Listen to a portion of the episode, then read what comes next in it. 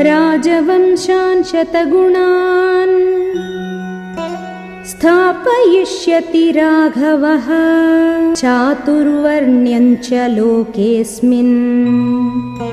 स्वे स्वे धर्मे नियोक्ष्यति।